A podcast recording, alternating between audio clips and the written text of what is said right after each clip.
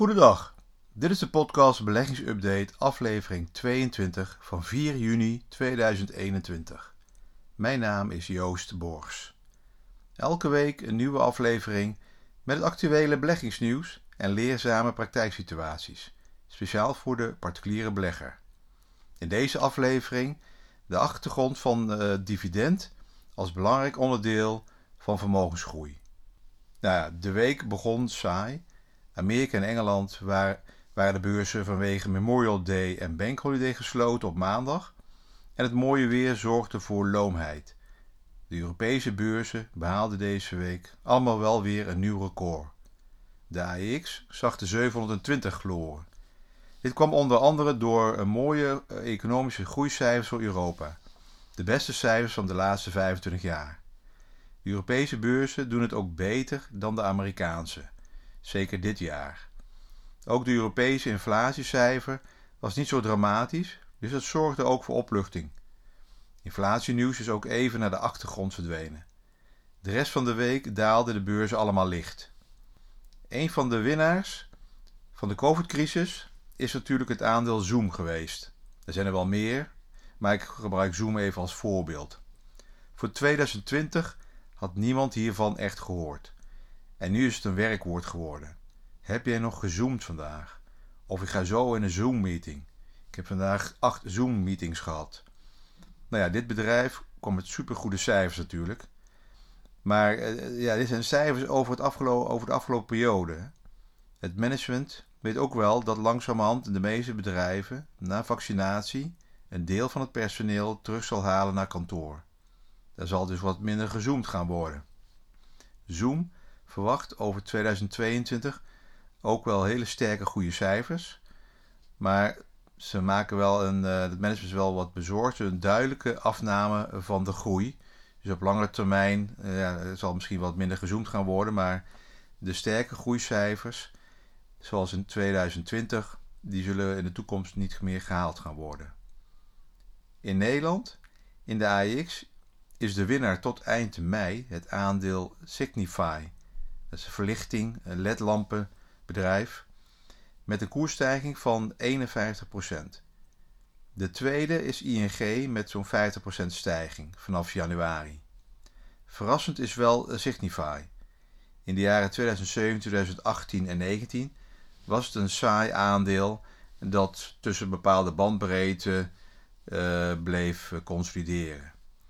En pas half 2020 en het eerste kwartaal 2021 is er een forse koersstijging, onder andere door goede omzetgroei in de consumentenmarkt en vooral die slimme LED-verlichting. 65 heeft ook een mooie dividendopbrengst van zo'n 3 à 4 procent.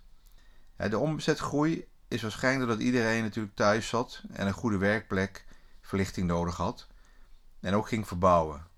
Maar wat nu als de consumenten klaar zijn met verbouwen en weer naar kantoor moeten? Is de koers dan misschien te sterk opgelopen? Maar ja, dat zien we wel in de tweede en derde kwartaalcijfers komend half jaar. Bijna alle risicobeleggingscategorieën hebben een fase van extreme stijging achter de rug en zitten nu in een fase van afkoeling, consolidatie, zijwaartse beweging. Dit geldt bijvoorbeeld voor uh, aandelen, zie je dat, grondstoffen, en cryptocurrencies. Er is nog wel één categorie die nog steeds stijgt. En dat zijn, uh, dat zijn de huizenprijzen, de huizenmarkt. En dat is wel wereldwijd zo. De Nederlandse bank waarschuwde deze week over de prijzen van huizen in Nederland. In Amerika maakt men zich ook wel uh, zorgen hierover. Want ook daar heb je een enorme stijging van de huizenprijzen. Maar in tegenstelling tot de kredietcrisis en hypotheekcrisis in 2008 en 2009 is nu niet de kredietwaardigheid van de huizenbezitters en de, en de kopers, maar het is, een, uh, het is een meer een voorraadprobleem. De krediet, kredietwaardigheid is uh, redelijk.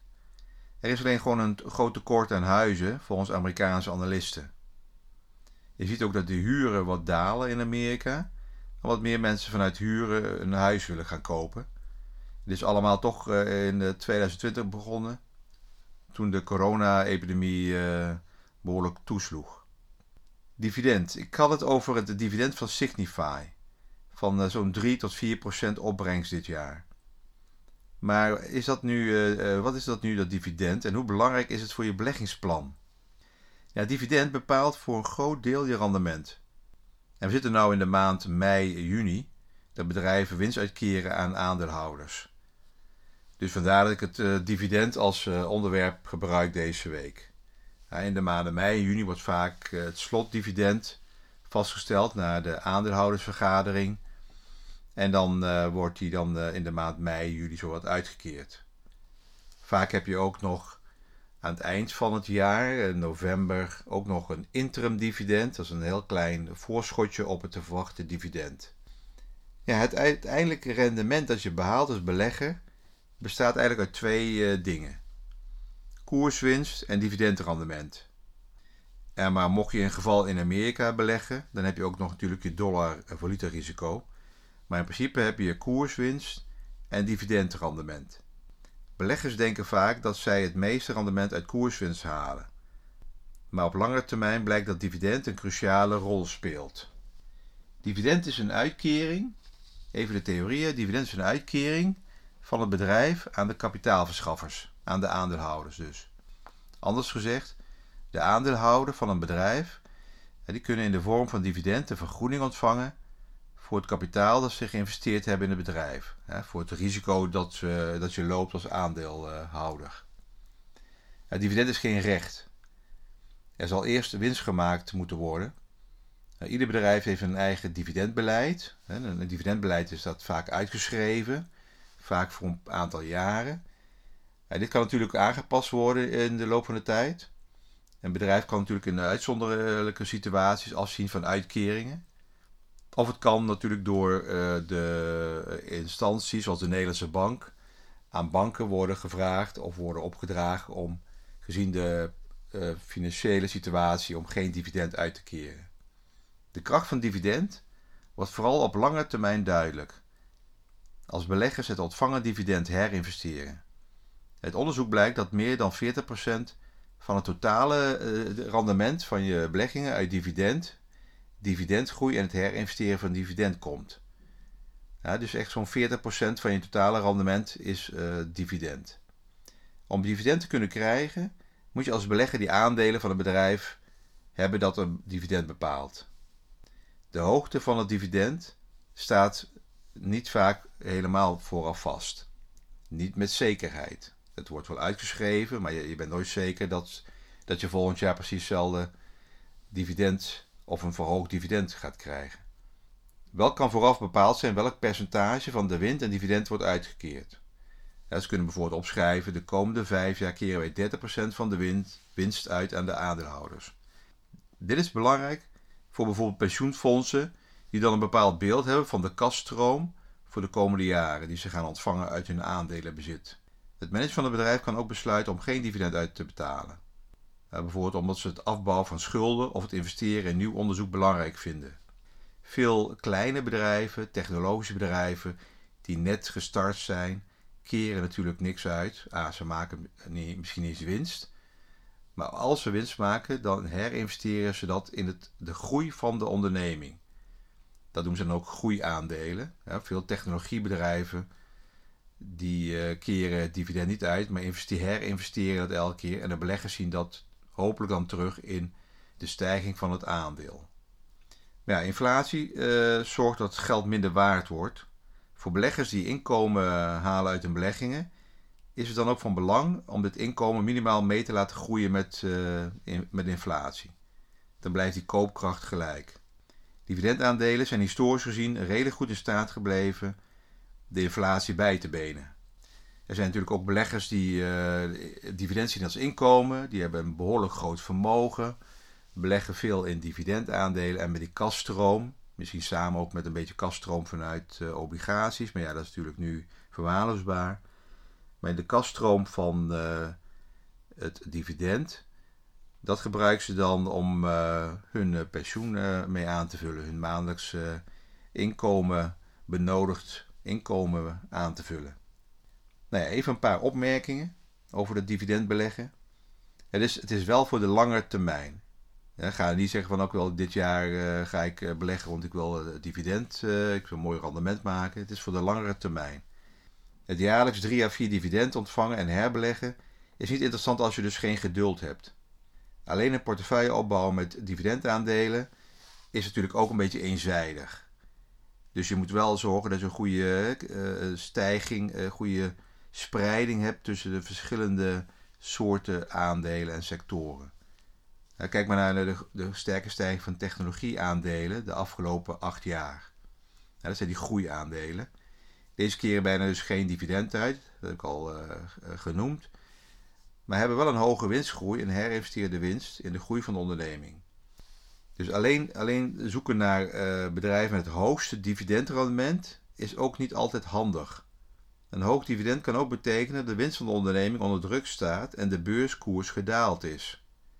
Hierdoor is het dividend nu nog wel hoog, maar het risico uh, omdat niet zeker is dat het dividend de volgende keer gehandhaafd blijft, is natuurlijk ook aanwezig.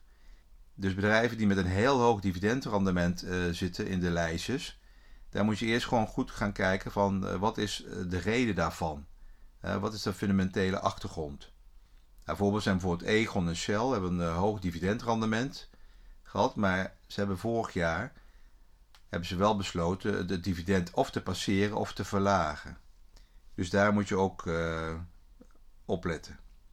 Dus steeds komt het wel weer terug. Een goede spreiding over verschillende sectoren en bedrijven blijft ook dus hier bij dividendbeleggen eh, belangrijk. Ja, toch altijd de basis van echt vermogenopbouw blijft dus spreiding.